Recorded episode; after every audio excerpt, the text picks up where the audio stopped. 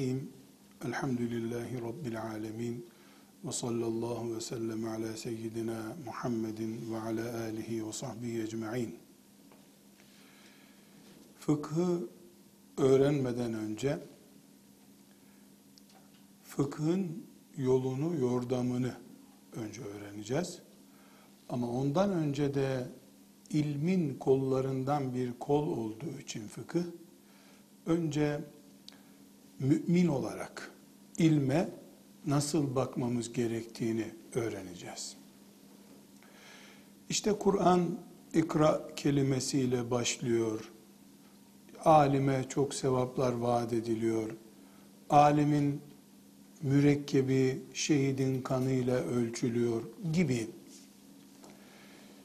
çok defalar duyduğumuz farklı bilgilerden biraz daha ileri gitmek istiyorum.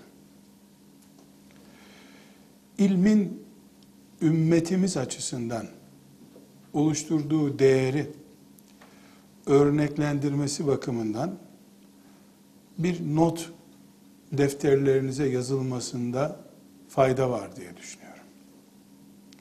Hicretin 429. senesinde yani bugün hicretin 1434'ünde olduğumuzu kabul edersek takriben bundan 990 sene önce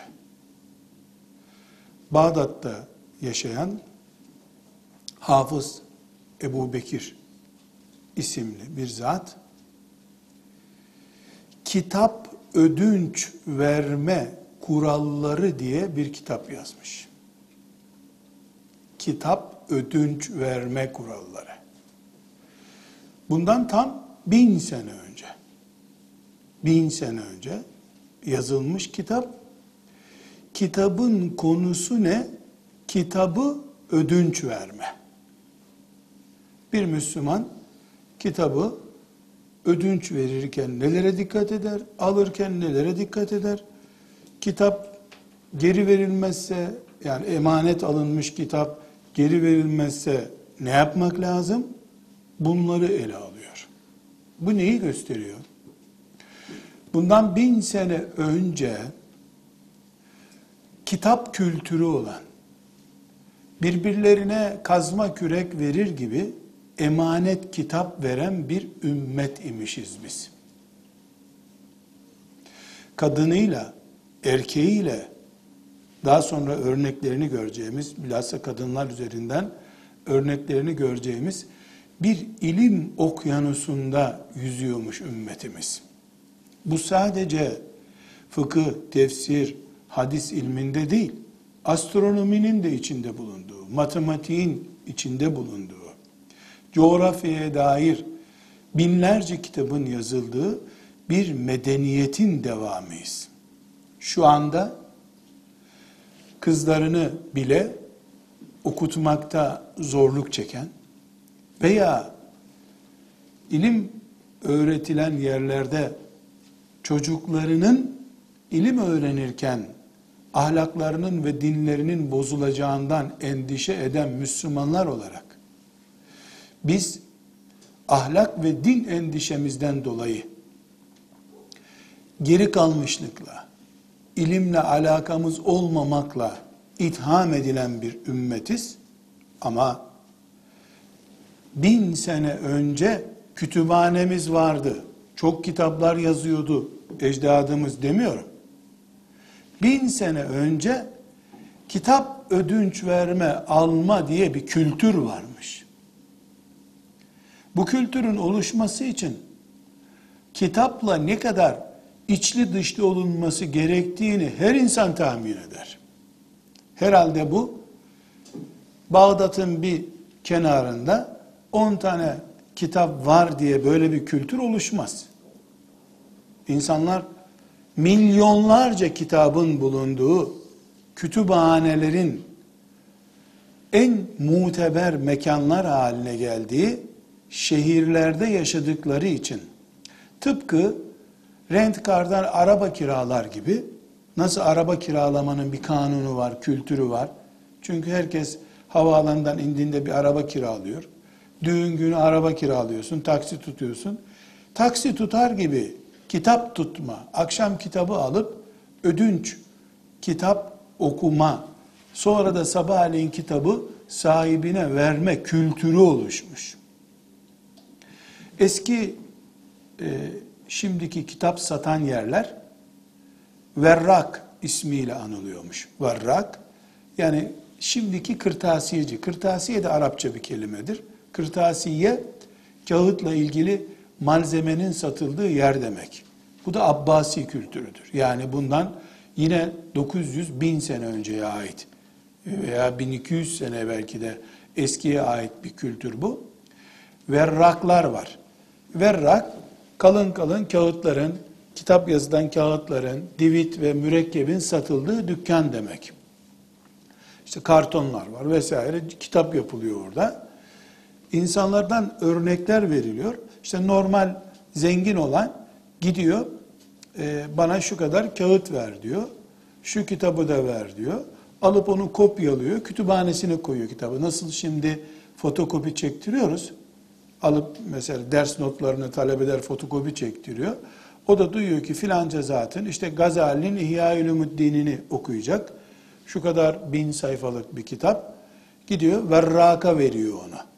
Verrak yani fotokopici diyelim şimdiki zamanlı. Bin sene önceki kültür. O Verrak'ın da hattatları var. İşte sana bunu iki dinara yazarım diyor. Alıyor bir ay sonra gel diyor. Kitabın fotokopisi gibi yenisini yazmış olarak veriyor. Onun için kütüphanelerde mesela İhya-ül Umuddin'in belki bin tane yazma nüshası vardır. Hep bu şekilde çoğaltılmış. Sonra onu oğluna bırakmış, talebelerine bırakmış. Çok enteresan ümmetimizin ilim kimliğini, kitap kimliğini ve kadınıyla, erkeğiyle, çocuğuyla ne hale gelmişler, kitapla nasıl su gibi, hava gibi haşir neşir olmuşlar. Bunu örneklendirmesi bakımından bir örnek veriyorum. Adam verraka gidiyor. Şu kitabı bana diyor kaça fotokopi çekersin diyelim bizim sözümüzle anlaşılsın. Kaça yazdırırsın? Bunun Arapçası istinsah. İstinsah bir şeye bakıp aynısını kopyalamak demek. Kaça istinsah yaparsın diyor. İşte iki dinara yaparım diyorsa mesela. Eyvah ben bunu bir senede biriktiremem bu parayı diyor. Müsaade eder misin diyor. Ben burada kendim yazayım bunu. Bir dinar vereyim sana. Çünkü o hattata yazdıracak. Bir dinar bu sefer çok para olacak. Müsaade et. Ben bunu kendim yazayım burada diyor. E benim masamı işgal edersin burada. Müşteri kaybederim ben diyor. O zaman ne yapalım diyor.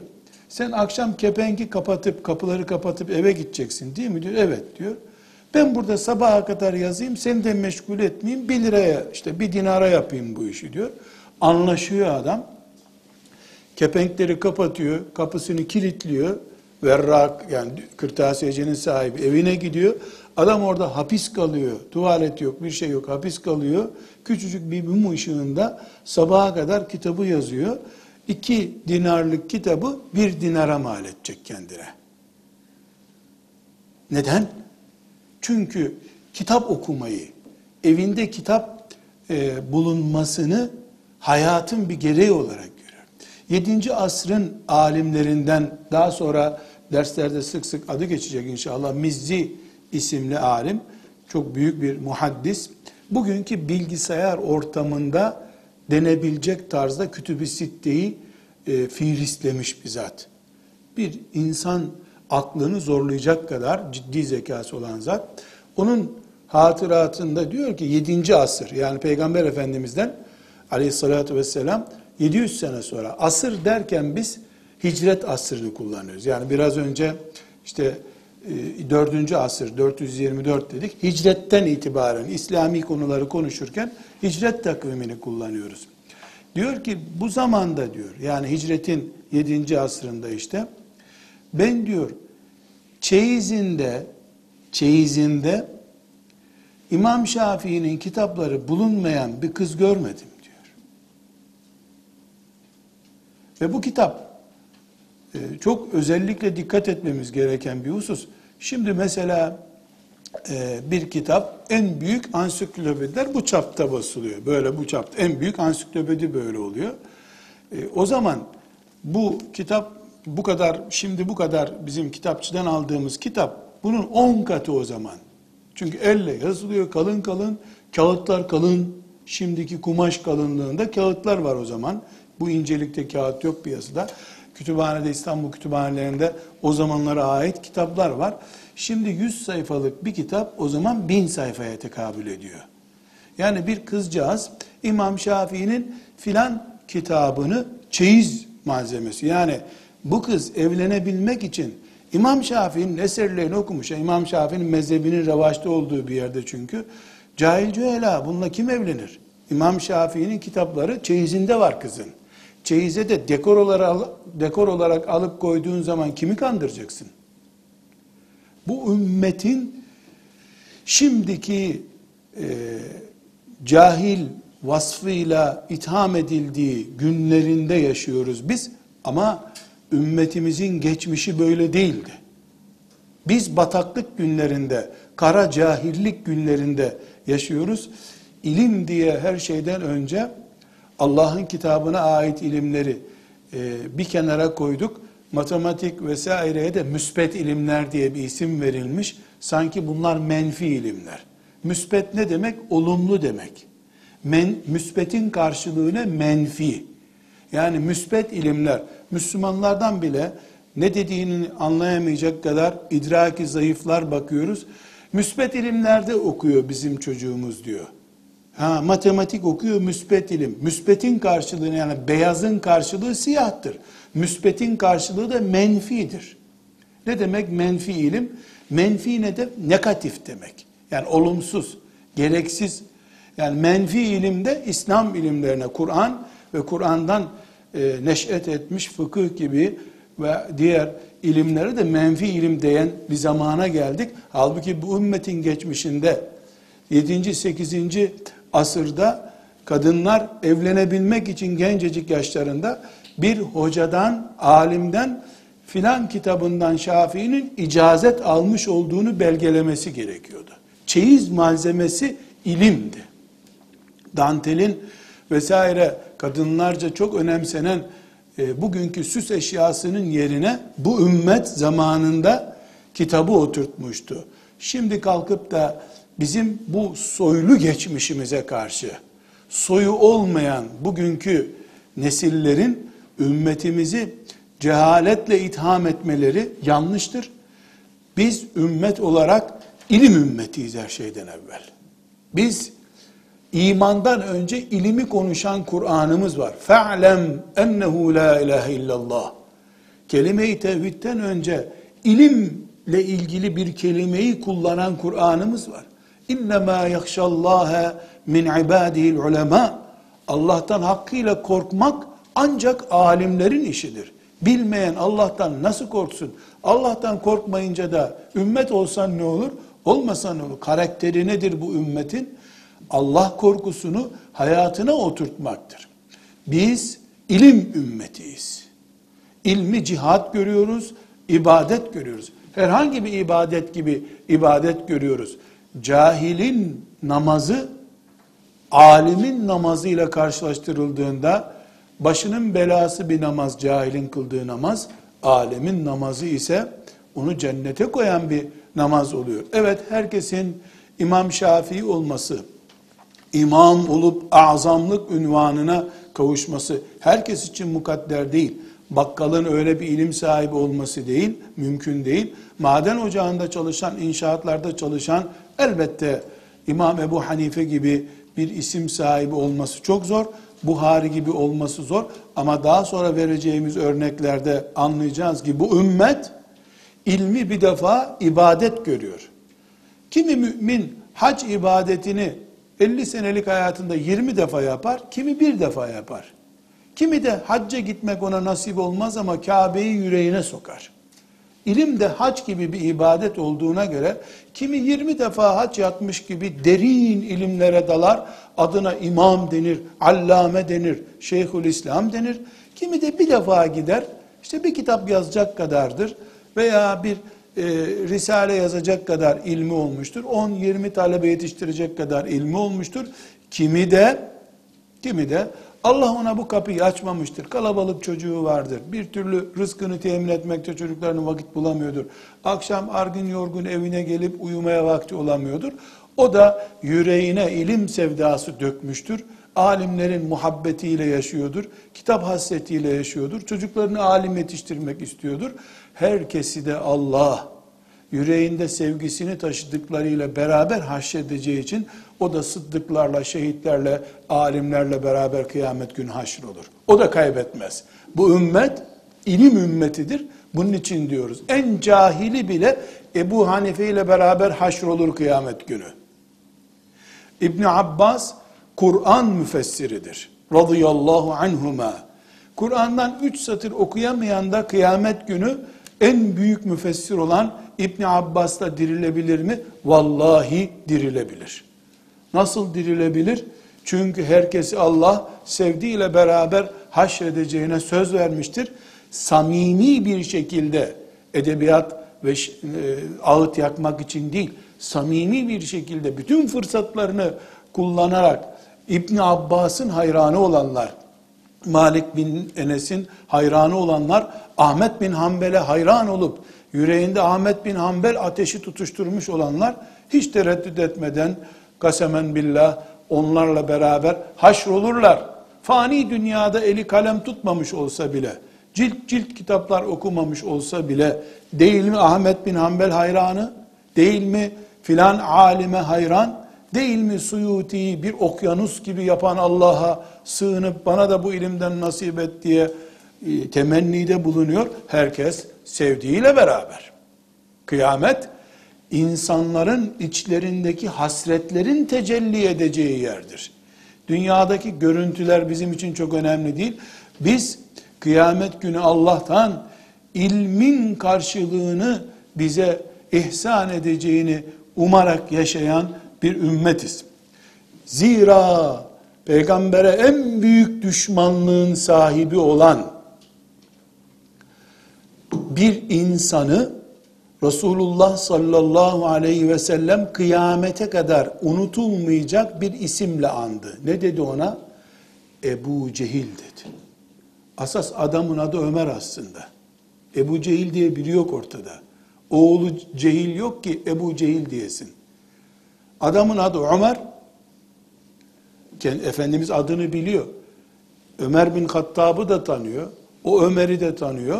Ne dua etmişti? Allah'ım bu iki Ömer'den birine iman nasip et de dinim kuvvetlensin demişti. Ömer bin Hattab'a nasip oldu iman.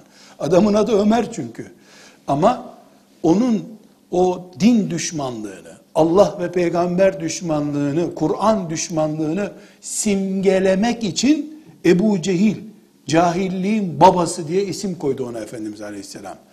Mel'un'un da adı unutuldu. Adını ne olduğunu kimse bilmiyor. Ebu Cehil diye bir adam olarak kaldı bir ümmetin peygamberi en büyük düşmanına hakaret olsun diye cahillik babası diye bir isim koyar da o ümmet şeytandan Allah'a sığınır gibi cahillikten Allah'a sığınmaz mı? Hadi diyelim ilim ibadet değil. Hadi diyelim ilim sadece Ebu Hanifelerin işidir, Bukharilerin işidir. Hayır. Biz cehaletten, şeytandan kaçar gibi Allah'a kaçmamız gereken bir ümmetiz. Çünkü peygamberimiz en büyük düşmanını cahilliğin babası diye isimlendirmiştir. Cahil kalamaz bu ümmet. Her şeyi de öğrenemez doğru ama öğrenme sevdasıyla yaşar. Onun için biz çocuklarımızı, kızlarımızı, oğullarımızı, talebelerimizi, kardeşlerimizi iyi bir ilmihal okusun diye medreseye göndermeyiz. Hafız olsun diye medreseye göndermeyiz veyahut da Arapça öğrenmeyi bir iş saymayız biz hiçbir zaman. Arapça Ebu Cehil'den daha fazla öğrenemezsin ki. Arapça kurtaran bir şey değil. Hafızlık veya ilmihal okumak, Arapça öğrenmek, ilmin lokmalarından bir lokmadır sadece. Biz Ebu Hanife'nin sarığını saracak veya filan alimin kitaplarının üstüne dipnot koyacak bir talebe yetişsin diye yani arşa kadar uzanan bir ilim ışığının peşinden koşan nesiller yetiştirmek isteriz. Mevcut küçük hedefliliğimiz yani 5 yıl Arapça okuduğu için ona törenler yapan anlayışımız bizim önümüzdeki kısır döngüden veyahut da örneklerimizin cılız olmasından kaynaklanıyor. Biz de Suyuti'nin talebesi olmakla şereflenseydik, biz de Bağdat'ta kitap verme kültürü diye, kitabı ödünç verme kuralları diye kitap yazılan bir zamanda yaşasaydık, 18 yaşında kızların çeyiz olarak filan hocanın icazeti filan alimin kitaplarını okudum dediği günlerde biz de yaşasaydık, herhalde biz de Arapça öğrendi diye tören yapmazdık bir çocuk için. Arapça öğrenmeyi çantasını, kitaplarını, defterini alıp medreseye gitmek gibi basit görürdük. Ama şimdi 3 sene Arapça okuyan, bir de 3-4 tane Arapça kelime de mektup falan bir şey yazabildiyse zaten allame sayılıyor. Allame dediğin şey ne demek? Yani bir insan düşünün 5 sene Arapça okumuş. Bu ne demektir? Alet elde etmiş. Arapça ilim değildir. Kur'an'ı, hadisi, Ebu Hanife'yi anlamanın aletidir. Alet ne demek? Bir şeyi kullanmak için elimizdeki malzeme demek. Kaşık bir alettir. Kaşık niye? Yemek yiyoruz onunla. Bir insanın yüz tane kaşığı olması karnının doymasını göstermez. Demiri nasıl yiyeceksin? Bin tane de kaşığın olsa kaşık kaşıktır. Yenmez içilmez. Çorbası olmaz, turşusu olmaz. Kaşığı daldıracağın çorba lazım. Yemek lazım. Kaşık ısırılmaz, yemek ısırılır. Bir Arapça öğrenme budur. 10 sene, 20 sene, 30 sene Arapça oku. Her sene 100 tane kaşık almışsın. Gene aç kalacaksın. Arapça alet ilmidir. Asıl olan Allah'ın kitabından insanın kıyamette kalbine iman akıtmış birisi olduğu için cennet nimetleriyle karşılaşacağı İbni Abbas'la, Enes İbni Malik'le, ümmetin fakihi Abdullah İbni Mesud'la beraber haşr olmasına sebep olacak amel edeceği ilimlere sahip olmaktır. Niye Arapça bizde şimdi ilimlerin şahı oldu? Üç sene Arapça okuyan kendisini Allah'ın en seçkin kullarından biri zannediyor. O kadar o kadar uzaklaştık ki Kur'an'ın deryalarından bir bardak suyu derya zanneder olduk. Arapça mümin olarak zaten Rabbinin kitabını anlamak için senin belki de doğuştan itibaren ana dilin gibi sana öğretilmesi gereken bir şeydi. Mevcut durumumuzla olmamız gereken durum arasındaki açı farkını göstermek için bunları söylüyorum. Haşa neuzu billah Arapçayı tahkir etmek, onu öğrenmeyi önemsiz göstermek gibi insanda iman zafiyetini işaret edecek bir sapıklık maazallah dile getirmiyorum. Ama vurguluyorum tekrar. İş Arapçada dönmüyor. İş Arapça sayesinde öğreneceğin Allah'ın ahkamı, Kur'an, Peygamber aleyhisselam efendimizin hadislerine dalmakla dönüyor. Yani sen ne zaman Bukhari'yi sözlük yardımı olmadan baştan sona birkaç kere okuduysan o zaman ilim elde ettin demektir. Bukhari'yi okuyacağın, Müslim'i okuyacağın e, Arapçayı 10 senede çok iyi öğrenmişsin ama Bukhari'ye dalmamışsın sen. Müslim'e dalmamışsın. Sonuç ne? Her gün 10 tane kaşık almışsın ama bir sene sonra hala çorba yok. Kaşıkları ne yapacaksın? Kaşık yiyemezsin. Kaşık alettir, malzemedir.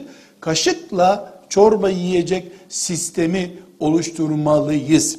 Şimdi burada ümmetimizin birinci paragrafımız ümmetimizin ilim ümmeti olduğunu esasen ilimle hiçbir şey yokken hiçbir şey yokken aç kalmışken bile bu ümmetin ilim için can mal feda ettiğini ümmetin peygamberi Muhammed Aleyhisselam'ı öldürmek için Bedir'e gelip de sonra esir düşenlerin o büyük cinayetine rağmen okuma yazma öğret bir çocuğa kurtul diyen bir ümmetiz biz. Peygamber katilleri. Hepsinin kafasının vurulması gerekirken sırf bir çocuğumuza okuma yazma öğretti diye hadi serbestsin defol git diyen bir ümme, ilme verdiğimiz önem budur bizim.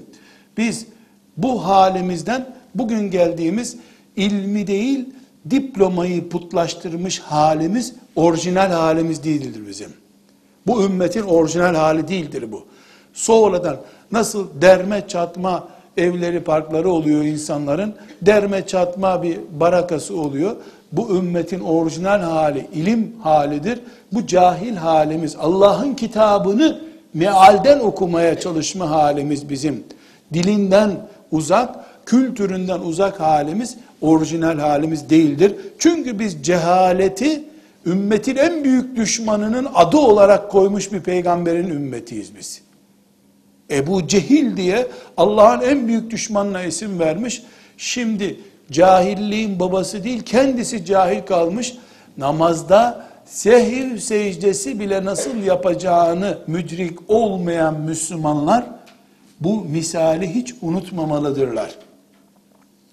Sehir secdesini nasıl yapacağını bilmeyen, kadınların Adem'in Havvasından beri başlarına gelen tabii bir olay olan kendilerine mahsus hallerini bile nasıl e, fıkıhtan uzak, fıkıhsız bir ortamda yaşadıklarını anlayamamaları ümmeti Muhammed için esef vericidir.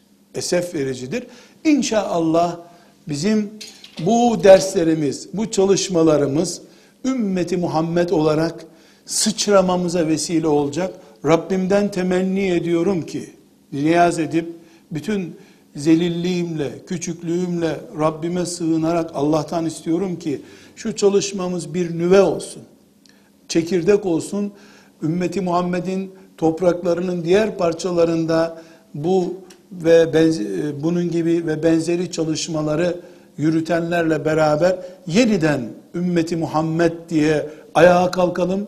Yeniden kızlarımızın çeyizlerinde filan tefsirden icazet almış. Bukhari'den icazet almış diye şanlı, şerefli kıyamete kadar götürülür çeyizleri olsun kızlarımızın. Delikanlılarımızın ceplerinde filanca boş e, aletler, cihazlar bulunacak yerde yüreklerinde filan silsileden alınmış Ebu Hanife'ye kadar, İmam Buhari'ye kadar, ondan da ashab-ı kirama, ondan da Cebrail aleyhisselama kadar ulaşan zil, silsileler, icazetler bulunsun. Umarım bu beraberlik, bu çalışmamız Allah'ın lütfu ve ihsanıyla böyle bir çalışmaya, böyle bir harekete öncü olur. Olanlarıyla, yapılanlarıyla beraber, hep beraber Rabbimiz bunu amel olarak kabul eder. Birinci paragrafımız bu. Biz ümmeti Muhammed olarak ilim ümmetiyiz. Bitti. Bu kanun. Bizi kimse bu kuralın dışına atamaz. Hac nasıl bu ümmete mahsus bir ibadettir? Kur'an nasıl bu ümmetin hususi kitabıdır? İlim de bu ümmetin karakteridir, şahsiyetidir. Kimimiz derin derin okyanus gibi ilimlerle yol alırız. Kimimiz cüz'iyatıyla ilmin devam ederiz. Kimimizi de Allah bu işten nasipdar kılmamıştır. Yüreğine sevdasını tutuşturmuştur. Ama Rabbimizin huzuruna İbn Abbaslar, Ebu Hanifeler, İbn Hacerler, Buhariler hep beraber fiilen alimler ve alimlere hayranlıkla ömür geçirmişler olarak Rabbimizin huzuruna çıkarız diye niyaz ediyoruz. Yüreğimizden kor kor bu ateşi e, silmemesini Rabbimizden niyaz ediyorum. İkinci paragrafımız e, bu ilimle ilgili olarak kadın insanlığın yarısıdır. İslam erkek dini değildir. Kadın dini de değildir. İnsan dinidir. Allah yapın veya yapmayın derken erkeğe kadına söylemiyor, insana söylüyor. İnsana söylüyor. Dolayısıyla insanla alakalı bir din bir kısım meziyetlerini erkeklere, bir kısım meziyetlerini de kadınlara yükleyip kenara çekilemez. Allah kadınlardan, erkeklerden beklediğini bekliyor. Kulluk. Kulluk. Kadınlara siz kulluk yapmayın, erkekler yapar, siz de onların peşinden gelin demiyor. Ey iman edenler dediğinde kim iman ediyorsa ona hitap ediyor. Namaz kılın dediğinde bunu kadına da söylüyor, erkeğe de söylüyor. Siz şunu yapmayın sakın dediğinde kadınlar hariç demiyor. Yahut da erkekler hariç siz yapabilirsiniz kadınlara yasak demiyor. Zina erkeğe de yasak. Kumar erkeğe de yasak, kadına da yasak. Namaz erkeğe farz, e kadına da farz. Dolayısıyla kulluk yapmak bakımından kadın erkekten bir gram farklı değil ki. Ne üstün ne aşağı olmak. İslam eğer cinsiyete bölünecekse yüzde ellisi erkeğindir, yüzde ellisi kadınındır. Ebu Davud'un rivayet ettiği hadiste Resulullah sallallahu aleyhi ve sellem Efendimiz en nisa'u şakaikur rical diyor. En nisa'u şakaikur rical. Erkekler kadınların parçasıdır. Kadınlar erkeklerin parçasıdır anlamında bir parola bu. En nisa'u şakaikur rical. Şakik bir e, er insanın aynı anneden doğma kardeşi demek. Şakik. Arapça bir kelime. Şakaik bunun çoğulu. En nisa'u şakaikur rical. Mecazi manada Efendimiz sallallahu aleyhi ve sellem e, burada kadın erkeğin parçasıdır. Veya bir benzeridir şeklinde de tercüme edebiliriz bunu. Bu hadisin sebebi de kadının birisi Efendimiz sallallahu aleyhi ve selleme gelip e, işte e, abdestle, taharetle ilgili hükümler daha sonra e, derslerimizin içinde bu hadis bir kere daha ta, e, hayız konusu konuşulduğunda tekrar karşımıza çıkacak. Kadın böyle tereddüt edince de Efendimiz ona en nisa'u şakaikur rical yani erkeklerle ilgili bu hüküm olduğu gibi kadınlarla da ilgili olur. Kadınlar ihtilam olur mu ya Resulallah diye sormuş. En nisa'u şakaikur rical demiş. Erkeklerde oluyorsa kadınlarda niye olmasın? Fizyolojik farklılıkları dışında Allah'ın nazarında İslam'ın koyduğu şeriatta kadınla erkek aynıdır. Dolayısıyla madem ki dedik ki en başta birinci paragrafımızda bu ümmet ilim ümmetidir. Okumamışları bile ilim ümmetinin ümmetindendir. Okumamışlar bile. Çünkü yüreklerinde Ebu Hanife hayranlığı vardır. Rabbim beni de İbn Abbas'la beraber, İbn Mesud'la beraber dirilt ne olur kıyamet günü diye hasret vardır. Orijinal halinde bu ümmetin, cahillerinin, okumamışlarının bile. Bu bir kural. İkinci kural olarak dedik ki, madem ki Allah kadın erkek ayırmıyor. İslam erkeklerin dinidir demiyor. Kadınlar ikinci sınıf artan namazları kılsınlar, orijinal namaz kılmasınlar demiyor. Madem böyle bir din, o zaman ilim de bu ümmetin meziyeti ise, kadınıyla erkeğiyle bu ümmetin meziyetidir. İlmi, burada bu ikinci paragrafta vurgulamak istediğim şey, ilmi Ebu Hanife erkektir diye, İbni Abbas erkektir diye, yaygın isimler bunlar olduğu için, ilmi kadının ilgilenmeyeceği, sırf erkeklerin uzmanlaşacağı bir alan olarak görmek yüzde yüz batıldır. Hicretin 9. asrına kadar yani bundan 500 sene öncesine kadar yetişmiş alimler kadar erkek alimler kadar kadın alimler de var. Sakavi 8. asırdaki Sakavi meşhur Şafi ulemasından birisidir. 8. asırda, hicretin 8. asırında yaşayan meşhur fıkıhta, tefsirde, astronomide, coğrafyada, matematikte yaşamış alimlerin listesini verirken sadece 8. asırda Bağdat, Yemen, Şam gibi şu meşhur topraklarda yaşayan veya eser yazan ya da ders okutan kadın alim sayısını 1070 olarak veriyor. Burada bir şeye dikkat edin ama. Sahavi bu tespiti yaparken Horasan'ın bir köyünde tefsir okuyan bir kadını tespit edememiştir. Kitap yazmış, yüzlerce talebe yetiştirip icazet vermişleri sayabilmiş sadece. Erkeklerde de sayamıyor şüphesiz. Meşhur olanları, kitabı piyasaya inmiş olanları, sen kimden okudun filanca zattan okudum diye adı duyulmuş insanları veriyor. bir asrında bu ümmetin 1070 tane fıkıhta icazetli yani Ebu Hanife ayarında. O da 8. asır ümmetin Moğol istilası vesaireden dolayı sıkıntılara girdiği parçalanma dönemine aittir. Yani 8. asrımız maalesef bizim çok parlak bir asır değil. İlim olarak da parlak değil, diğer siyaset olarak da parlak değil. O asırda Sehavi'nin e, biyografi kitabına girebilecek kadar meşhur olmuş 1070 kadın alimden söz ediyoruz. Çok daha e, kolay anlaşılacak bir örnek vermek istiyorum. E, İbn Hacer'in ve diğer e, ulemanın tespitlerinde bize hadis rivayet ettiği, dinle ilgili hüküm belirttiği bilinen sahabi sayısı kaç kişidir? Yani sahabi 120 bin kişi yaklaşık olarak ama bunların 120 bini de Resulullah şöyle dedi, Peygamber aleyhisselam böyle buyurdu diye bir bilgi ulaştırmıyor bize. Yani alim diyelim ya da hadis okutmuş diyelim, tefsir okutmuş alim sahabi sayısı 1642 erkek var. 1642 erkek sahabi Resulullah dedi ki aleyhissalatü vesselam bize şöyle yaptı. Veda haccında şöyle konuştu diye dini bize aktarmış. 1642 alim. 216 da kadın sahabi var.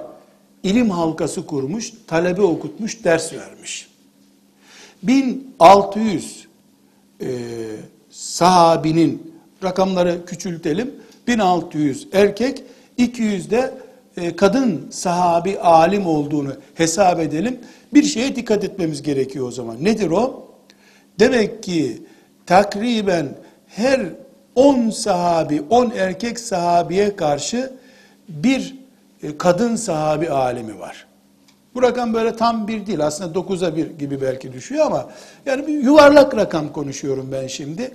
Yani sahabe döneminde sahabe döneminde Allah'ın dinini gelecek kuşaklara taşıyacak çapta alimlerin 10 tanesi erkek, bir tanesi muhakkak kadın oluyordu. Bu demek ki sahabe toplumunda sahabe toplumunda alim kadın sayısı en az onda bir. En az onda bir. Yani onda bir demek yüz alim bulunuyorsa Medine'de bunun on tanesi kadın muhakkak. Ama bir şey daha var. Bu onda bir rakamının aslında düzeltilmesi gereken bir şey. O 1642 sahabinin en az 600 tanesi de Ayşe'nin talebesidir. Bunu unutmamak lazım. Çünkü onun dizinin dibine oturup soru sormamış sahabi neredeyse yok gibi. Ama biz onları bir kenara bırakalım. Yani öyle uzaktan ders okumuş değil. Ee, her on sahabiden bir, alim olan, her on sahabiden biri kadınsa yuvarlak bir rakamla bu rakam bugün binde bir bile değilse eğer e, örnek nesil sahabe nesli. Denebilir mi ki 2000'li yıllarda yaşayan Müslümanlar İslam'ın örneğidir? Hayır, böyle bir şey olur mu hiç? En mübarek nesil sahabe neslidir.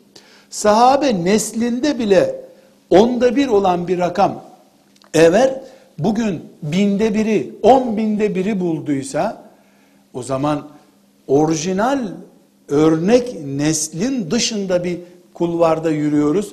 Bizim yaşadığımız tarzda yanlışlık var. Babalarımızın, annelerimizin çocuk yetiştirme, kız çocuğu yetiştirmede sıkıntısı var demektir. Biz burada kadınların fıkhına dair bir medrese, okuldan ders yapacağımız zaman önce şu hakikati bilmemiz gerekiyor. Bu hanım kızlarımız bunlardan bir tanesi fakih olacağı zaman inşallah veya tamamı fakih fakihe olup bu ümmetin dinini yayacağı zaman bu bir mucize değildir. Mucize olmamış şeyi yapmanın adıdır. Bunun için tören yapmaya bile utanmamız lazım bizim. Vardı, Küllenmişti. İnşallah üstündeki külü uçurup bu koru yeniden ayağa kaldıracağız. Yeniden ateşleyeceğiz. Sıfırdan bir iş yapmıyoruz. Her on alimden bir tanesi ashab toplumunda da öyleydi. Daha sonra örnekler verdiğimizde göreceğiz inşallah. Sonraki asırlarda öyle. Ta 9. asrın sonuna kadar bu ümmet kızlarından da Bukhari ayarında alimler yetiştirdi. Ebu Hanife ayarında fakiheler yetiştirdi. E, Suyuti gibi bir alimin İnşallah ondan da isimler geçecek sık sık. Suyuti gibi bir alimin 50'den fazla kadın hocası var bine yakın e, ta, hocadan ders okumuş kendi hatıratında. 52 tane de yani 50 ve 52 arasında tam tereddüdüm var. E, 50'den fazla e, kadın hocası var Suyuti'nin. Suyuti gibi bir adam herhalde kuaförden yeni gelmiş bir kadının önünde ders okumak için oturacak hali yok. Yani Suyuti onun önünde dizin, diz çöküp oturuyorsa e, bu bir hoca hanım değil. Allame bir kadın demek ki. Dikkat edin bin hocası var Suyuti'nin 50'si kadın dediğimize göre o onda bir rakamı devam ediyor hala. Suyuti de yakın asırların adamı. Çok e, mesela İstanbul'un fethi zamanında yaşıyordu Suyuti. İstanbul'un fethini duydu Mısır'da yaşadığı halde. Bu nedenle biz burada bir yenilik yapmıyoruz ümmetimizin çekirdeğinde var olan, orijinal yapısında var olan, daha sonra inşallah İbni Hacer'in hanımından söz edeceğim, 10 çocuk doğurmuş. Onunu da sağlığında toprağa gömmüş bir taunda bir kadın, Bukhari icazeti almış, bir sürü de talebe yetiştirmiş bu arada. Her e, talebesine ders okuttuktan sonra da helva partileri de yapmış talebelerine. Helva yapmayı da biliyor. İbn Hacer gibi bir alimin hizmetini de yapıyor. Buhari'den de icazet almış. Beş kızına da Buhari icazeti vermiş. Biz bu ümmetin cahilliğinin gariplik olduğunu düşünüyoruz. İlim bu ümmette gariplik simgesi asla değil. Burada kardeşler, ablalar, e, bu gerçeklerden sonra örneklere dalmak istiyorum. Hangi örneklere dalmak istiyorum? Yani bir iddiamız var. Dedik ki bu ümmet ilim ümmetidir. Ve ilimden de biz sadece tefsiri anlamıyoruz. Fıkı anlamıyoruz. İnsanın dünya veya ahiretine faydası olacak her şeye ilim diyoruz biz. Buna coğrafya da dahil, matematik de dahil, biyoloji de dahil, felsefe, putçuluk yapmıyorsa felsefe de dahil. Yani felsefeyi belki olduğu gibi kabul edemeyiz. Çünkü felsefe kafa karıştıran bir ilim ama kafa karıştırmaya, akıl kurcalayan, aklı harekete getiren felsefede dahil hepsi ilim bunların. Bizim ümmetimizde bunların hepsi vardı. Yabancı şeyler değil bizim için. Biz burada olmayan bir şeyi değil, ümmetimizin geçmişinde var olan bir şeyi konuşuyoruz. Kadın da bu ümmetin yüzde ellisidir. En-nisâ'u şakâikur ricaldir. Ee, o zaman ilim görevi yüzde elli de kadınların üzerindedir. Bugüne kadar kadınlar da yüzde elli bu ilmi getirdiler. Bukhari'nin, Sahih-i Bukhari'nin günümüze kadar taşınan halkalarında yani şu şundan duydu bu bundan duydu da yüzlerce kadın muhaddise var. Yüzlerce muhaddise kadın var. E şu Suyuti o kadınlardan bir tanesinden ders okudu. İbni Hacer'in hocaları arasında kadın hocalar var. Bu saydığım isimler böyle filan kasabanın müftüsü denen isimler değil. Bunlar ümmeti Muhammed'in ilk yüzüne giren isimler. Yani alimler arasında Ebu Hanife düzeyinde değilse bile ondan sonraki kadronun ilk sıralarındaki isimler Allah hepsinden razı olsun. Burada biz ümmeti Muhammed'in bugüne kadar ilim e, şerefinde kadınlar belki yüzde elli değil. Belki yüzde on ama muhakkak katkıları vardı. Bugün sıfıra doğru çekildiyse bu yanlışlık buradadır. Eğer bugün ümmeti Muhammed'in tefsir ilmi, fıkıh ilmi, hadis ilmi, tarih ilmi, matematik ilmi, coğrafyası, astronomisi yeniden canlanacaksa en azından yüzde on oranında kadınlar bunu canlandırmalıdırlar. Kadınlar evde eşlerinin yemeklerini yapacak, alimlerin sarıklarını ütüleyecek, Ondan sonra alimler de erkekler olarak ilimle meşgul olacaklar.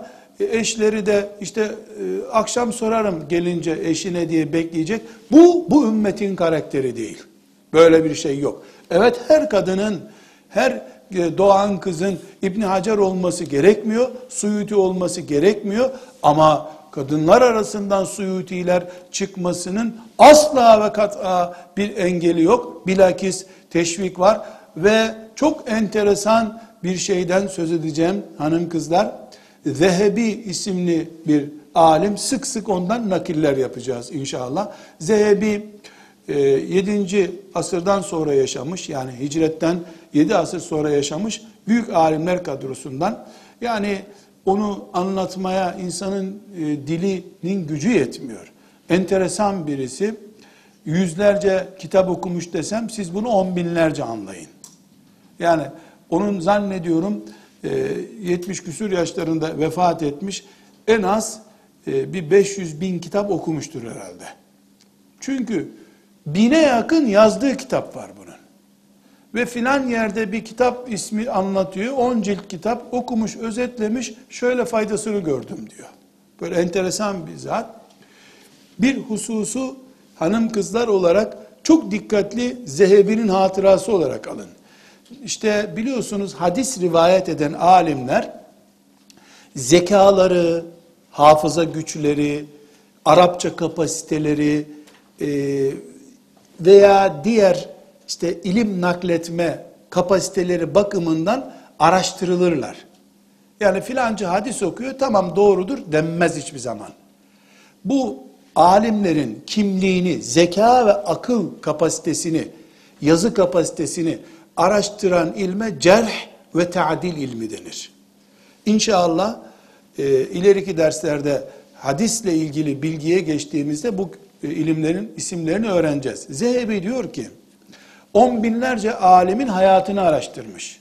Mesela filanca Buhari, Sahih Buhari'nin sahibi Muhammed bin İsmail el-Buhari, yüzde yüz herkesin iyi dediği birisidir. Ama mesela İbn Mace'yi o ayarda görmüyorlar. Filan noksanı var diyorlar. Yazısı iyi değil diyorlar. İşte yüz hadisten bir tanesini unutmuş diyorlar. Zehebi diyor ki, benim araştırmalarımda diyor, cerh ve tadil açısından yani zekası, titizliği açısından tenkit edilmiş kadına rastlamadım diyor. Kadınlar hadis ilmine daldı mı erkeklerden iyi yapıyorlar bu işi diyor. Bu gösteriyor ki evet kadınlardan az yetişiyor. Bu az yetişmenin nedenlerini de konuşacağız inşallah. Az yetişiyor ama yetişeni zehebi pest ettirmiş. Tamam kadınlara itiraz yok dedirtmiş. Allah ondan razı olsun.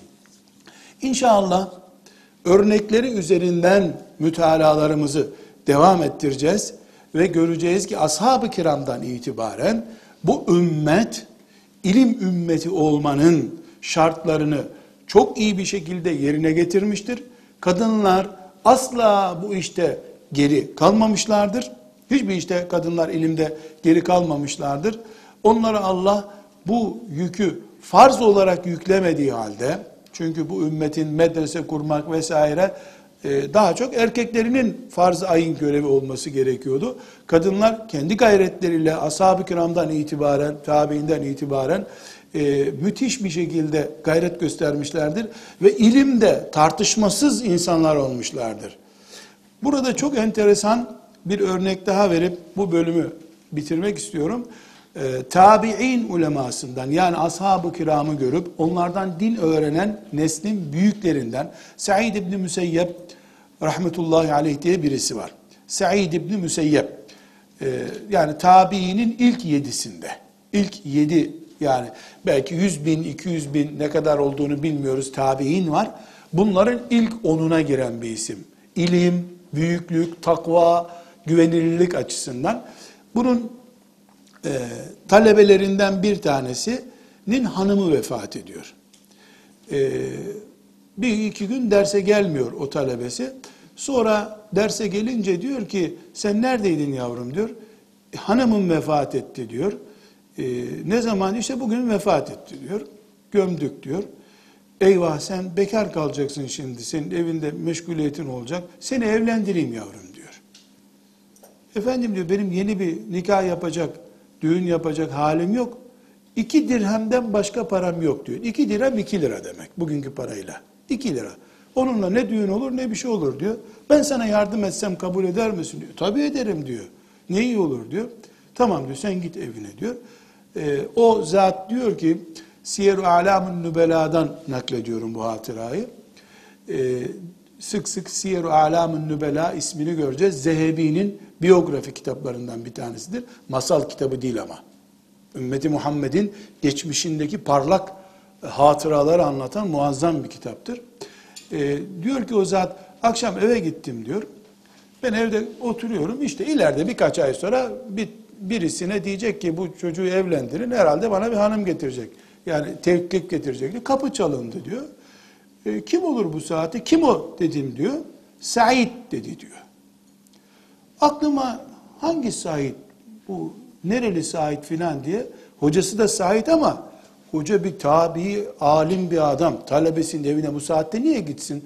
Sonra diyor ki hocam Said diyor ben onu bildim bileli 20 senedir diyor mescit ve evinin dışında bir yere gitmiş adam değil diyor. Ya camidedir ya evindedir. Kimsenin evine de gitmez diyor.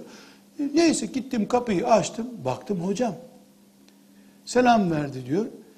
E, sana diyor hanım getirdim diyor. Hanım getirdim diyor.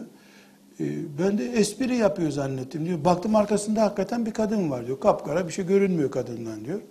Tuttu kadının kolundan diyor. Odaya getirdi diyor. E, bunu sana nikahladım kabul ettin mi diyor. Şahitlerle kabul ettik diyor. Tamam dedi diyor. Çekti gitti diyor. Döndüm geri diyor. E, kadına kimsin nesin diyeceğim diyor. Kadın beni görünce utandı yere yıkıldı düştü diyor. Kadın da bayıldı diyor. Ya bu nedir ne değildir? Neyse annem geldi kadın aittik diyor. Said Müseyyep'in kendi kızıymış diyor. Kendi kızını bana getirmiş diyor. Ondan sonra çok utandım, sıkıldım ama bir kere de nikah kıydık diyor. Ne yüzünü görmüş, ne adını sormuş, nikah kıyıyor. Hocasına itimadından dolayı. Bir gün, iki gün beraber kaldık diyor. Sabahleyin diyor cübbemi aldım, gidiyorum. Asıl anlatacağım şey burada. Cübbemi aldım, gidiyorum. Ee, kadın, nereye gidiyorsun sen diyor. Daha yeni evlendik diyor. Nereye gidiyorsun diyor. Said'in derslerine gidiyorum diyor. O dersleri kaçırmamak istiyorum diyor. Şimdi cümleye dikkat edin. Said İbni Müseyyep kim? Ebu Hanife'nin de hocası ayarındaki kadrodan. Sahabe değil o kadar. Ümmetin zirvesi. Zirvede bir alim. Dedi ki diyor hanımım otur şuraya. Said'de ne kadar ilim varsa ben burada okuturum sana onları merak etme dedi diyor. Bu ne demek? Said İbni Müseyyep kendindeki bütün ilimleri kızına da aktarmış. Allame bir kız. Ve babasının okuttuklarını kocasına okutmaya çalışıyor. Ve bu kız peçesiyle kocasına teslim edilmiş. Nişan mişan da yok ortada. Şimdiki gibi elinde iki tane lise diplomasından dolayı ayakları yere basmayıp topuklu ayakkabı giyen cinsten değil. Zamanının allamesi. Kur'an, hadis, tefsir, astronomide uzman. Babası bir talebem var. Karısı öldü bugün. Bu gece bekar yatmasın. Hatta Said İbni Müseyyep bu saatte niye geldin demiş talebesi. Utandım ben. Yavrum demiş. Bizim evimizde hanımımız varken sen hanımsız bir gece geçirirsin diye üzüldüm demiş. Masal anlatmıyorum. Şerefli bir ümmetin şerefli tarihinden örnek veriyorum. Belki bu asırda bunu yapmaya muktedir bir sosyal yapımız yok ama biz buyuz aslında. Bir gün Rabbimiz müyesser kılarsa biz de inşallah böyle amellere muvaffak oluruz diye Rabbimizden niyaz ediyoruz. Bu ümmet bu geçmişi olan bir ümmettir.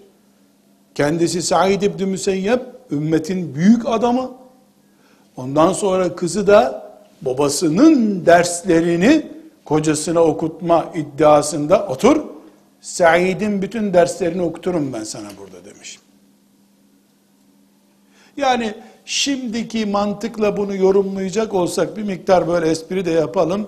Yani burada oturmamız da sevap aslında senin ne işin var orada burada oturmamız o dersin yerine geçer demek istemiştir herhalde diyeceğiz. Ama öyle değil. Said'in ilimini sana veririm ben diyor. Ümmetimiz kadını ile erkeğiyle bu ümmetti. Elbette neden kadınlar bu kaliteyi gitgide düşürdüler? Ya da neden şimdiki kadınlar böyle değil? Bunun da tahlilini inşallah yapacağız. Özet olarak tekrar e, vurguluyorum hanım kızlar, hanımefendiler. Biz ilim ümmetiyiz.